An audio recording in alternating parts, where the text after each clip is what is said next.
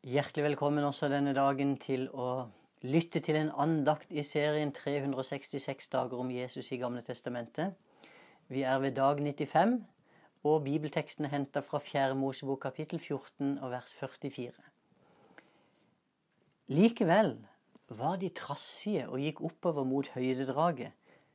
Men verken, Herrens paktkiste eller Moses forlot leiren. Tittelen på dagens andakt er 'Når Herren ikke er med'.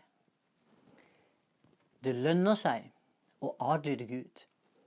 Israelsfolket fikk smertelig erfare konsekvensen av å ikke følge Herrens vilje og plan.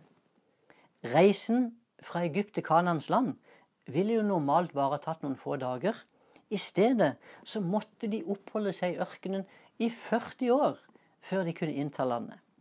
Grunnen det var jo den misnøyen og vantroen som fylte folket etter at speiderne hadde vært og sjekka ut Kanans land. Speiderne de beretter at folke, folkene som bodde i landet, de skulle innta, de var sterke, og at byene var befestede og store. De mente de ville være sjanseløse om de skulle finne på å gå mot disse folkene. Da Israel hørte dette, så mista de motet. Og det, ble, og det ble faktisk reist krav om at Moses og Aron skulle steines, og at de skulle velge en ny leder som kunne føre dem tilbake til Egypt. Herren ble så sint da dette skjedde, at han faktisk ville utrydde hele folket og la det vokse fram et nytt folk ut fra Moses. Moses sin forbønn førte imidlertid til at Herren tilga dem, og han lot være å utslette folket. Men som en straff for misnøyen og vantroen, så bestemte Gud at alle som var over 20 år, og som hadde tatt del i opprøret, ikke skulle få komme inn i det lovede land. De skulle alle sammen dø i ørkenen.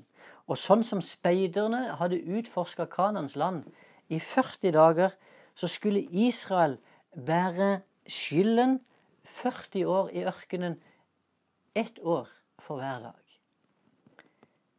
Da Moses meddelte dette til israelittene, da ble folket grepet av dyp sorg. Og deretter så gjorde de en gedigen tabbe. For de bestemte seg for å gå ut og kjempe mot folkene i Kanans land på egen hånd. Moses advarte dem og sa at Herren ville ikke gå med dem, derfor ville de tape. Men deres trassighet førte til at de gikk allikevel. Og nederlaget det ble både stort og ydmykende seier eller tap, det handler aldri om hærens størrelse eller kvaliteten på våpnene. De Herren er med, vinner alltid krigen. Israels folk de hadde lett inntatt Kanans land og seira over alle folkeslagene der, selv om de virka større og mektigere. Josfa og Caleb de jo, så jo dette på en helt annen måte. Og i, i kapittel 14 og vers 9 i 4. Mosebok så står det Dere skal ikke være redde for folk i dette landet. De er bare en brødbit for oss. Deres skygge har vendt seg bort fra dem, men Herren er med oss. Vær ikke redde for dem. Når Herren er med, er alt mulig. Når Herren ikke er med, så vil selv de enkleste ting være umulige å gjennomføre. Da krigerne dro ut for å kjempe uten Herrens nærvær og uten hans mandat, så hadde de ingen sjanse, de ble slått. Israel de dro jo ut med den samme hæren som Herren hadde valgt ut. Men pga. opprøret så dro han ikke ut sammen med dem. Og uten Herrens nærvær så tapte de stort. Alt handler om Jesus er med eller ikke. Bare i ham har vi seier og framgang. Uten ham er vi sjanseløse. Ja, vi kan ha alle ressursene vi trenger. Vi kan ha de beste byggene, de beste talerne, de beste pastorene og de beste musikerne. Men om Jesus ikke er med, så er jo alt nytteløst. Vi kan ha et høylytt og fromt ytre Eh, der folk rundt oss de kan tro at vi er noen skikkelig troskjemper. Men de høye ropene, det skremmer jo ikke djevelen. Det er jo det overgitte hjertet, fylt av Den hellige ånds kraft, som seirer over djevelen i Jesu navn.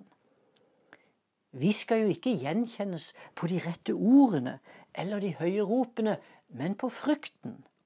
Dersom Jesus virkelig er med oss, så vil det merkes på den frukten som kommer i kjølvannet av vår tjeneste.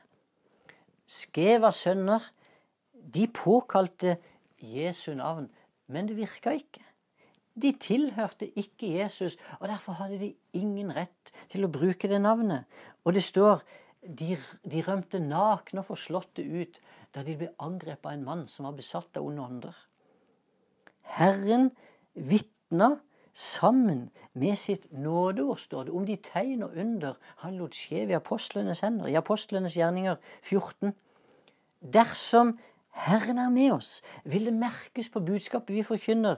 Da vil Hans stemme i vårt indre samsvare med Hans stemme i det ytre ordet. Når det skjer, og vi forkynner ordet, akkurat sånn som det står, vil Herren bekrefte sitt nærvær gjennom tegn og under og helbredelser. Og demonutdrivelser vil komme, og folk vil bli frelst gjennom vår tjeneste. Herren kan bare bekrefte sitt ord. Han kan ikke bekrefte ordene som avviker fra det han har sagt, ved at vi legger noe til eller trekker noe fra hans ord. Det kan svinge litt i kampene vi føres inn i her på jorda, men den som Jesus er med, vinner til slutt en evig seier på alle plan og på alle områder.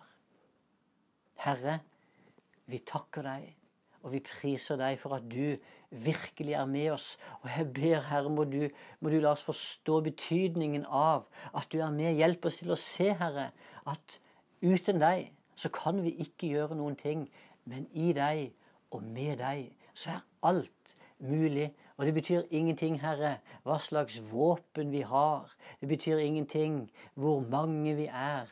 Men når du er med, da vinner vi en seier.